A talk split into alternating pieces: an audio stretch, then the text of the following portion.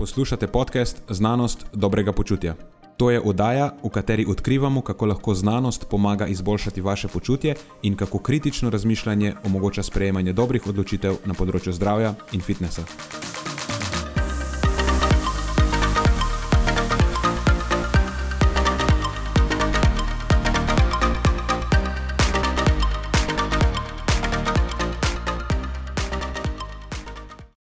Pozdravljeni nazaj, z vami sem Nenad in to, kar sledi, je otvoritev druge sezone podcasta.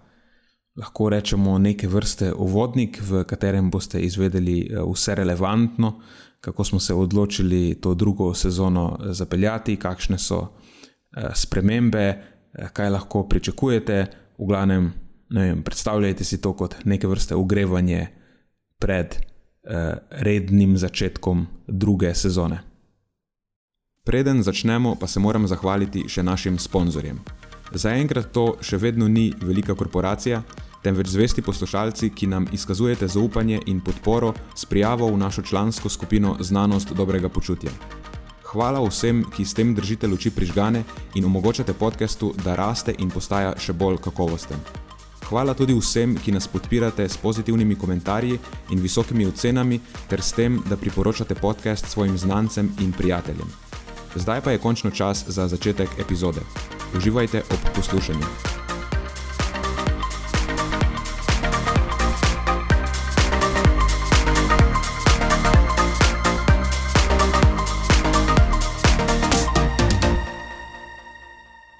Končno druga sezona oziroma uvodnik v drugo sezono.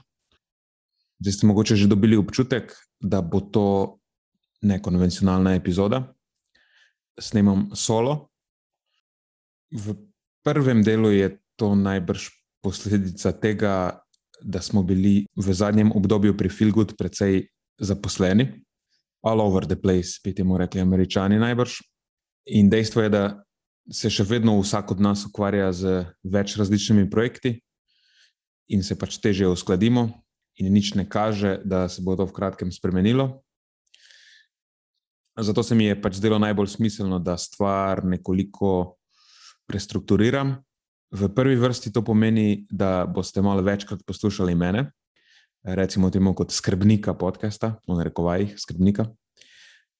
Eh, potem pa bodo za svežino pa bodo poskrbeli ostali sovoditelji. In njih bomo iz tedna v teden rotirali, jih bomo menjavali, eh, pa ne samo zaradi svežine, ampak eh, tudi zato, da si jaz olajšam usklajevanje in da zmanjšam breme in na moj urnik, in na njihov uh, urnik. Ostali del nenavadnosti tega uvodnika pa um, pojasni to, da, bo, da smo se odločili, da bo tudi vsebinski del v tej sezoni eh, dobil nekaj eh, pomembnih sprememb. Prva sezona, še posebej prvih nekaj epizod tiste prve sezone, mogoče celo prva polovica, eh, je bila, rečemo temu, dokaj rigidna, dokaj tehnična. Mogoče bi kdo rekel, da so bile epizode preveč data heavy ali pa data dense. Pač Preveč je bilo nekih eh, nepotrebnih in nepraktičnih podrobnosti, eh, ki so bile morda zanimive samo bolj oskemu krogu ljudi. Eh, plus večji del je pokrival tudi precej osko področje prehrane in vadbe. Vem, stvari so pogosto izpadle preveč oskogledne za, za moj okus, da jim rečem tako.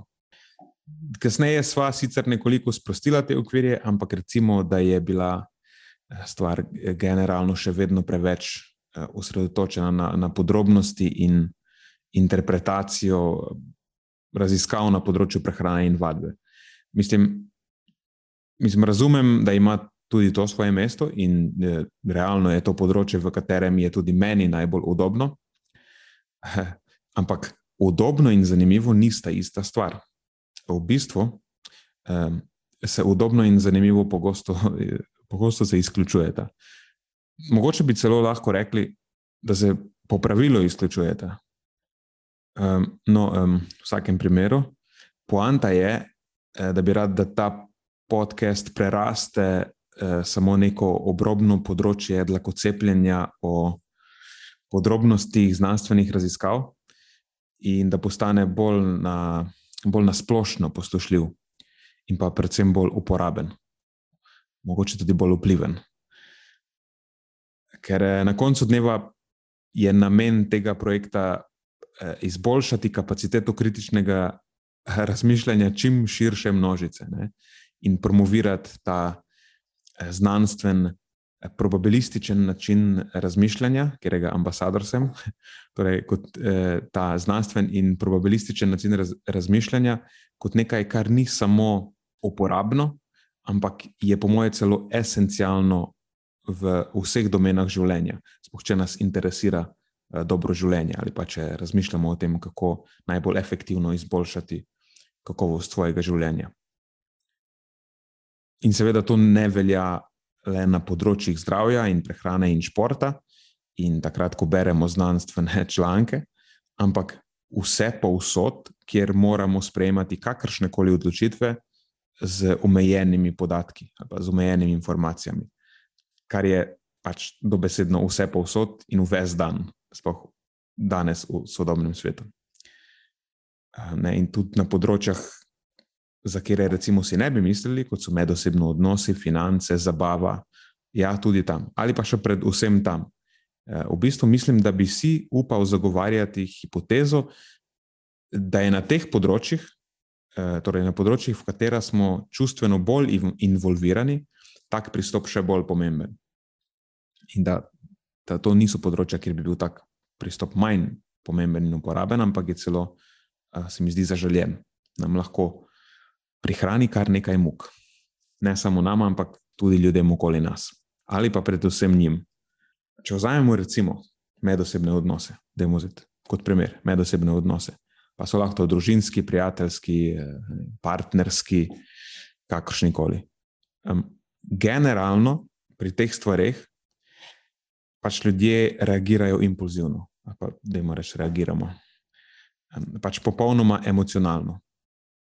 Včasih imamo občutek, da skoraj brez kakršnega koli poskusa, vsaj približno objektivnega premisleka štarta se samo iz svoje perspektive, na podlagi svojih pristranskosti in svojih predpostavk, na podlagi neke pravljice, ki si jo ljudje ustvarjamo v svoji glavi, brez da bi kakorkoli racionalno razmislili ali o alternativnih razlagah in scenarijih, o različnih možnih odzivih, ki jih bodo sprožile naše reakcije ali pa besede na nasprotni strani o različnih motivacijah, preferencah in ciljih vseh upletenih, um, tudi v različni stopnji vem, pripravljenosti na sklepanje nekih kompromisov o določenih stvareh. Nič od tega ne pade v enačbo, in potem smo seveda presenečeni, ko nam stvar eksplodira v obraz. Mislim, kaj, kaj pa lahko pričakuješ drugega, če se uh, lotiš reševati odraslega problema s, s, s pristopom šestletnika. Pač kompleksni problemi zahtevajo zrel pristop. In predpostavljam, da bi nam bilo vsem veliko lažje, če bi te kompleksne družbene uh, in, in medosebne probleme, pa recimo, da, je, da so medosebni problemi uh, podpomenka kompleksnih družbenih problemov, pač če bi jih reševali na, na podoben način, uh, ali pa če bi reševanje teh problemov temeljili na podobnih principih, kot eh, neko interpretacijo izsledkov raziskav in eh, sprejemanje stališč v znanosti. Eh, Dajmo reči temu, da bi to bi bil nek evidence-based lifestyle, če bi živeli tako in reševali svoje dnevne probleme tako, ali pa evidence-based common daily problem solving. Okay. To poimenovanje bo najbrž uh, potrebovalo še malo friziranja, brušenja po robovih. Ampak, v glavnem, razumete poanto. Sprejemanje odločitev na podlagi realnih, uh, objektivnih podatkov, s čim manj čustvene upletenosti in uh, nekih drugih subjektivnosti. To je načeloma tisto, kar vodi v rezultate, ki optimizirajo dobro za uh, največje število ljudi. Ker če gledamo čustva in subjektivnost, so namenjeni temu, um, v bistvu to je njihova evolucijsko evolvirana funkcija, da pač maksimizirajo dobro za en osebek, ne? za tisti osebek, v, kjer, v katerem ali iz katerega izvirajo. Uh, dočim objektivnost in podatki nam omogočajo, da maksimiziramo dobro, ali pa da pridemo do nekega uh, zaključka, uh, da sprejmemo neko odločitev, ki je uporabna in koristna za največje možno število ljudi. Ali pa ki je uporabna in koristna ne samo za, za nas, kot en osebek, ampak za eh, tudi tiste ljudi okoli nas, ki so potem posredno ali pa neposredno upleteni v našo kakovost eh, življenja.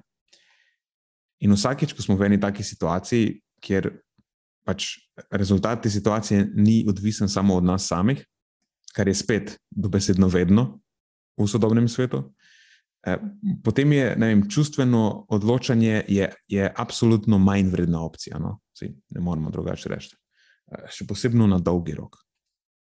Okay. Eh, ne moreš, da je bilo zadosti filozofiranja o tem, zakaj in kako je ta distinkcija med, med razmišljanjem utemeljenim na čustvih in razmišljanjem utemeljenim na podatkih, zakaj je pomembna.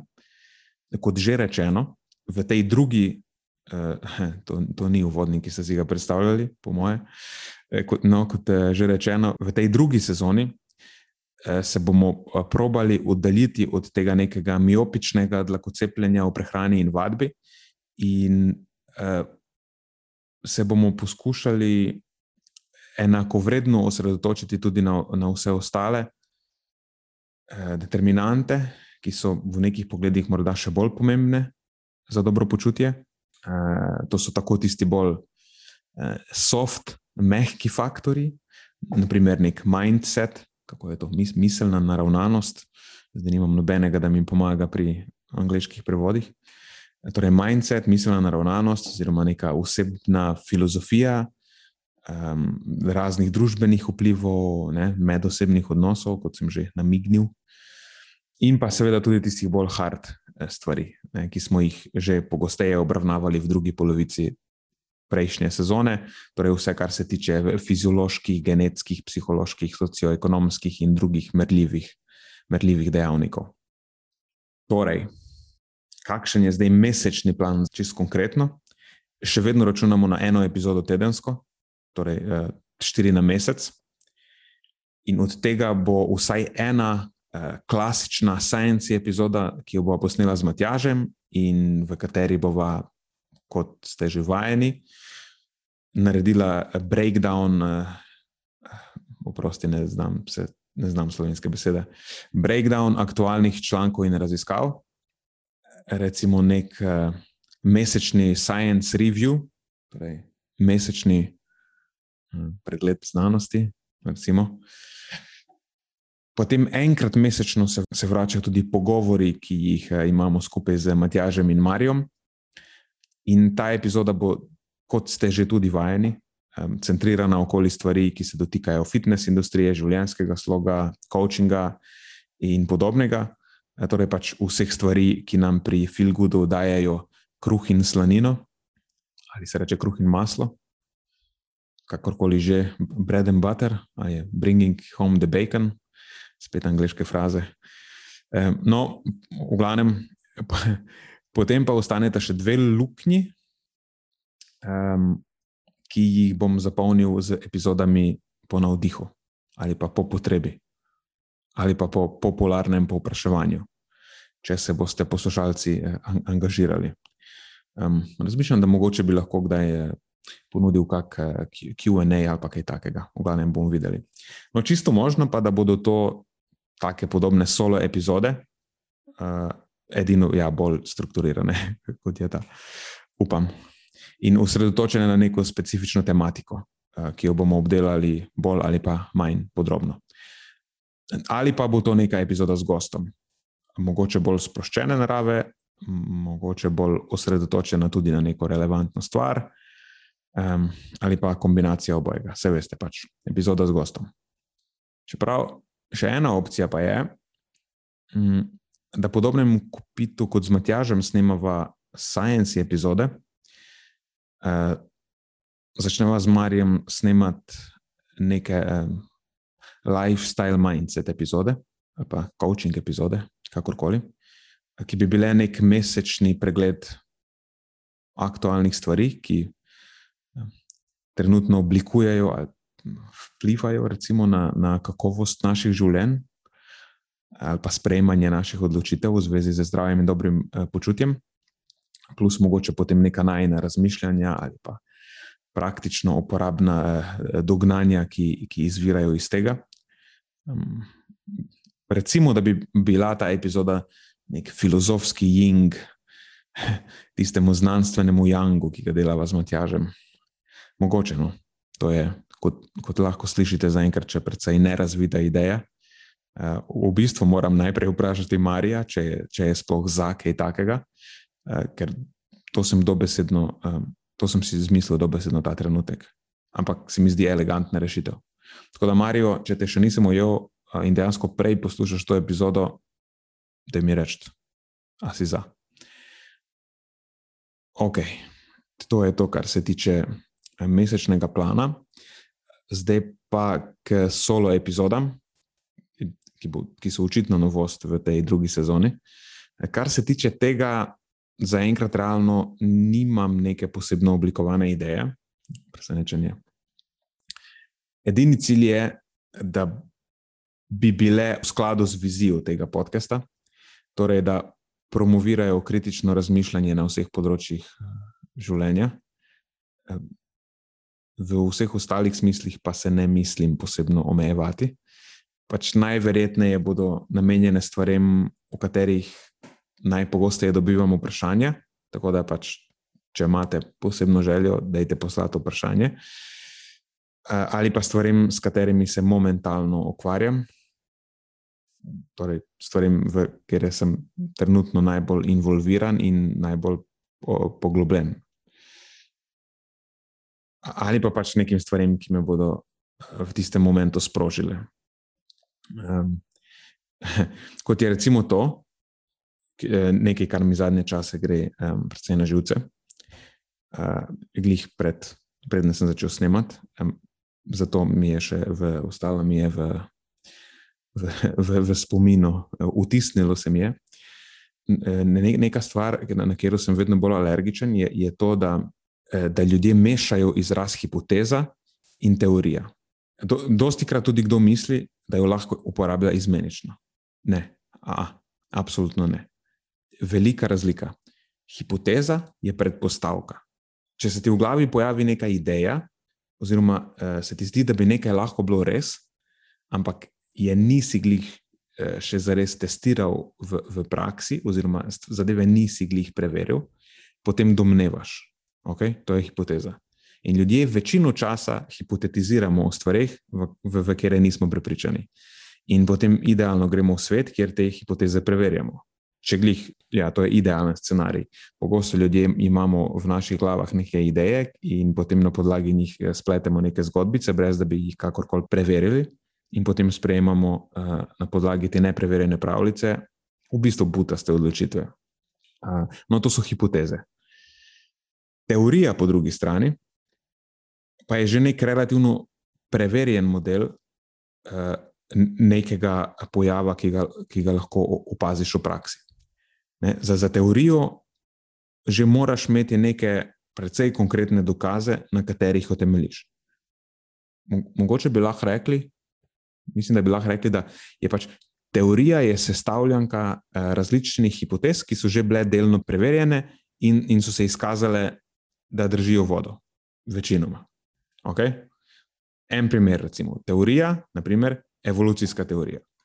Evolucijsko teorijo podpira cel kup dokazov iz različnih področji znanosti, in ti dokazi segajo tako že stoletja v preteklost. Sicer je res, da ko rečemo teorija, da ima to nek prizvok eh, neke nedokončnosti, rečemo temu, ne, nesigurnosti, nedokončnosti. In to je za znanstveno teorijo dobrodošlo. Mislim, da je celo nujno. Ker pač v znanosti nekega modela ali pa ideje ne moreš nikoli dokončno potrditi. Ampak, da nekaj postane teorija, uh, mora stvar predstavljati že uh, zelo izčrpno in obširno razlago nekega pojava. In, in kar je še ključno pri tem, teorija ima napovedno vrednost. To pomeni, da teorija se je v praksi že večkrat izkazala za pravilno, in na, na podlagi te teorije lahko z, z, z relativno visoko mero gotovosti eh, predpostavljamo, kakšne rezultate eh, bodo, bodo v prihodnje dali neki, eh, neki podobni ali pa sorodni eh, pojavi. Ne? Recimo, en klasičen primer je splošna, splošna teorija relativnosti, ki, ki opisuje pojav gravitacije. Če vržem stvar v zrak, lahko z visoko gotovostjo predpostavljam, da bo stvar padla na tla. In približno lahko ocenim tudi hitrost. Če, eventualno, če bi imel dovolj podatkov, bi lahko celo vnaprej izračunal, s kakšno hitrostjo bo stvar priletela nazaj na Zemljo. Evo, to je teorija. In, no, v glavnem, poanta je, da vsaka neumna zamisel, ki zraste na našem zelniku, ni, še ni teorija, niti blizu dokler ni stvar zelo dobro preverjena in podprta z precejšno težo dokazov, je vse skupaj samo hipoteza. Okay? Tako da, od zdaj naprej, naslednjič, ko začneš eh, prijatelju razlagati, hej, veš kaj, imam eno, eh, nimaš teorije, imaš hipotezo. Ok, cool, super. No, zdaj, mogoče se komu zdi to eno nepotrebno dlakocepljenje, spet, je rekel na začetku, ne bomo dlako cepili, evo ga spet dlako cepi. Ni, ni dlako cepljenje, je zelo pomembna stvar, super pomembna stvar. Pravilna uporaba izrazov je ključna za efektivno komuniciranje.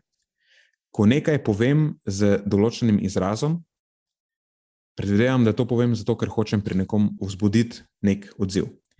In to se bo zgodilo samo takrat, ko tisti, ki posluša ta izraz, razume isto kot ga razumem jaz. Ker ga, če ga on razume drugače, potem ne morem računati, da bom dosegel ta odziv, ki ga hočem doseči. Torej, ko kaj povemo, je ključno, da razmišljamo o tem, kakšen odziv bo to vzbudilo v poslušalcu, in potem lahko sklepamo, kakšna bo njegova nadaljna reakcija. Oziroma, potem lahko točno sklepamo. Ker če ne vemo, pa če napačno sklepamo o tem, kakšen odziv bo vzbudilo v njemu, potem to, kar bomo dobili nazaj, bo zelo nepričakovano za nas. In pač na podlagi tega ne moreš graditi naprej. Veste, kam grem. In brez, ne, na tak način ne moreš efektivno komunicirati. Efektivno komuniciranje um, je v bistvu neka partnerska igra. V bistvu. ne, ti nekaj daš, dobiš nekaj nazaj, pravilno probaš predvidevati. Glavnem, da, da se ne zapletam. V zadnjem letu je postalo zelo očitno, da pač postalo je zelo očitno, ni, ni bilo efektivne komunikacije, po domače povedano, razpad sistema, bi temu rekli. Um, in problem še zdaleč, še zdaleč ni bil samo izmenična eh, raba izrazov, teorija in hipoteza, ker očitno niti stroka pogosto ne loči med obema, kot se je izkazalo, kar je zaskrbljujoče, to so pač osnove. Um, ok, v glavnem. Eh, ta izmenična raba je bilo samo nekaj, kar me konstantno sproža že eh, dlje časa. Problemov je bilo več in pri drugih, eh, mogoče celo bolj pomembnih zadevah. Naprimer, pri tem, eh, noben ni ljudem razložil, eh, kako se odloča o smiselnosti ukrepov, ki naj bi bili dobri za njih, o tem, eh, zakaj so ti učinkoviti, ti ukrepi, čeprav so na vides nekonsistentni ali pa na vides nesmiselni. Eh, o, vem, nismo se pogovarjali o sprejemanju odločitev na podlagi verjetnosti in nepopolnih podatkov, in kako je to lahko zelo težko, in kako lahko to vodi v to, da najprej trdimo eno, pa potem, ko dobimo pa nove podatke, moramo hitro spremeniti eh, svoje stališče za, za 180 stopinj, karikirano. Um, in ne na zadnje, nismo se znali efektivno. Eh, pogovarjati niti o varnosti in učinkovitosti cepiv, ter o tem, kako nesmiselno je za enkrat razglabljati o boljših in slabših cepivih. To je, evo, to je še ena stvar, ki um, ne moreš temu, ki, ki, ki me malo jezi uh, v zadnjem obdobju. Ne? Ampak to je že neka, neka druga debata. mm, za katero ne vem, če imamo čas. Recimo, da imamo čas tudi za to. Um, ok, dajmo nasloviti še to. Potem pa bo, po moje, um, počasi že zadost za to uh, solo epizodo, da se, ne, eh, da se me ne naveličate že v prvi epizodi. Moram paziti, koliko vam doziram uh, te moje pikrosti in, in ciničnosti in sarkazma in, in tako naprej. Um, se mi zdi, da ni glih najlažje za prebaviti, da veliko tega naenkrat. ok. V glavnem, um, dajmo nasloviti to. Kakšno uporabno vrednost imajo rezultati posameznih raziskav, ki ugotavljajo, da je cepivo A, eh, recimo 95 odstotkov učinkovito, cepivo B pa 90 odstotkov učinkovito.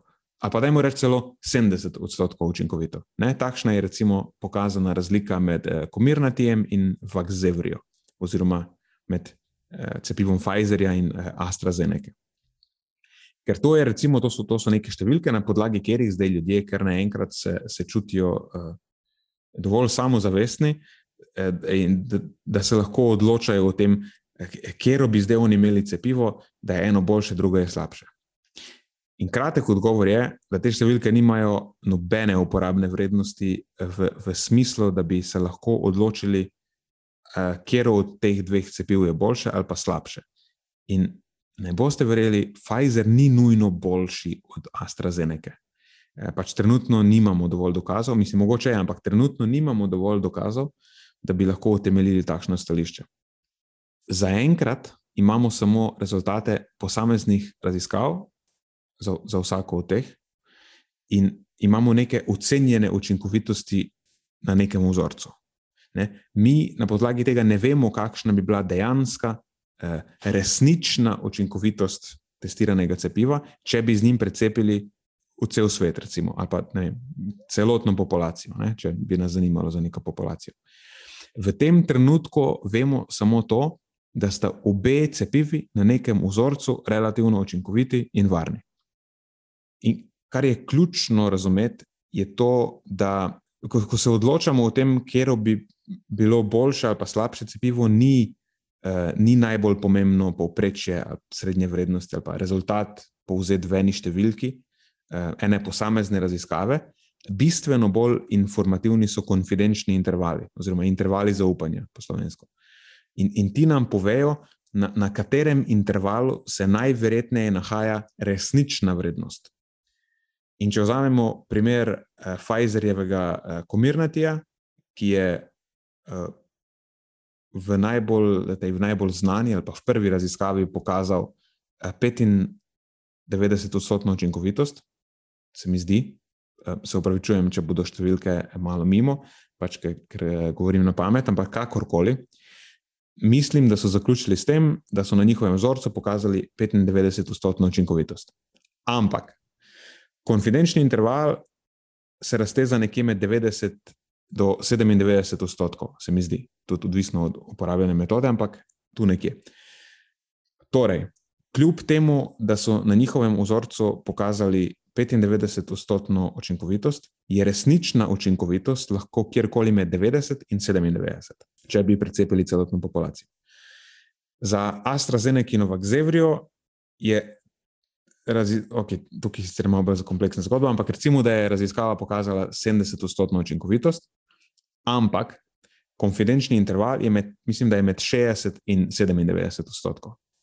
Okay? Zadeve se prekrivajo. In zdaj to sicer ni najbolj verjeten scenarij, ampak povsem možno je, obstaja neka verjetnost. Da je resnična učinkovitost AstraZeneca cepiva višja od Pfizerjevega. Sicer je Pfizerjev konfidenčni interval precej oži, pa ne, viš, višje gor, dočim od AstraZeneca eh, interval je pač izjemno širok, ampak vseeno. Ne moremo reči, da je eno boljše od drugega. Povsem možno je, da je na enem vzorcu eno boljše, na drugem je drugo boljše, ampak da je, eh, če bi opazovali celotno populacijo, AstraZeneca pač boljša. Ampak vse to je v bistvu nerelevantno, to je nerelevantno dla cepljenja. Resno. Smešno je, da se navadni smrtniki, trenutno, sploh pa v trenutni situaciji, ukvarjamo s tem, kje cepivo bomo vzeli. da smo prišli kupovati vem, jabolka uh, v trgovino. Prvič je zato, ker večina ljudi tega enostavno itak ne bi znala ovrednotiti, tudi če bi imela zadostne podatke, in pa drugič zato, ker pač ti podatki zaenkrat sploh ne obstajajo. Zaenkrat se lahko o uh, boljšosti, izumljena beseda, cepiv, o, o tem, kje je bolj efektivno, pa kje je manj efektivno, uh, odločamo samo in edino na podlagi um, čustev in nekega popularnega mnenja, medijskega hajpa, kaj je trenutno najbolj, o čem se najbolj govori in uh, koga smo obsodili za uh, to, da uh, povzroča neke stranske učinke trenutno. Torej, lahko se odlo odločamo edino na tak način, ki onemogoča sprejemanje najbolj efektivnih odločitev in to ljudje delajo. Ne? Zato pa imamo trenutno situacijo, kjer vsak ima pet minut cajta, filozofira o tem, kjer v cepivu je Mercedes, pa kjer je za revne ljudi, pa kjer je za uh, slabo, pa dobro, pa ne vem, kaj še vse. Ne. V glavnem, ne navadna situacija. Ko se porežeš z, z, z revelim nožem, pa greš k zdravniku, pa te bo cepil za tetanus. A je kdo kdaj vprašal, okay, kjer v cepivo, s čim me boste zdaj cepili proti tetanusu? Prosim, dajte mi, dajte mi katalog. In tukaj dejansko obstajajo desetletja raziskav narejenih. Dajte mi zdaj katalog, eh, prosim tudi, da mi date vse možne raziskave, ki so bile narejene, da jaz zdaj preberem te raziskave, da vidim, na katerem vzorcu je zdaj, kera od teh znamk cepiva boljša, slabša in pa se bom odločil. Ne, noben tega ne naredi, cepim proti tetanusu, hvala lepa, adijo. E, tukaj imate antibiotike, če bo kaj kol, pa lahko to začnete jemati z Bogom, čau, pero. Tako se te stvari so se do zdaj reševale, um, zdaj pa ker naenkrat na podlagi omenjenih podatkov se znamo vsi odločiti, uh, kje je boljše in kje je slabše. Okay. Uh, ker najbolj racionalen in objektiven zaključek v zvezi s tem uh, trenutno je ta, da se cepim čim prej s katerim koli v EU odobrenim cepivom. In to je, po mojem, tudi odločitev, ki bo dolgoročno najbolj koristna. Ne? Recimo, če bi na tem področju vse možne odločitve ovrednotili in uh, razvrstili potem, katera bo v naše življenje, uh, torej ne samo nam kot posameznikom, ampak uh, tudi vsem ostalim okoli nas, ki neposredno ali posredno vplivajo na kakovost našega življenja. Torej, če bi uh, vse možne odločitve razvrstili, glede na to, katera bo prinesla v naše življenje največ koristnega, potem bi bila to odločitev. Cepim se čim prej s katerim koli v EU odobrenim cepivom. Ampak, ok, imam že občutek, da se, da se malo ponavlja. In po mojem, bo to eh, čisto dovolj za, za enkrat, dovolj za uvodno epizodo.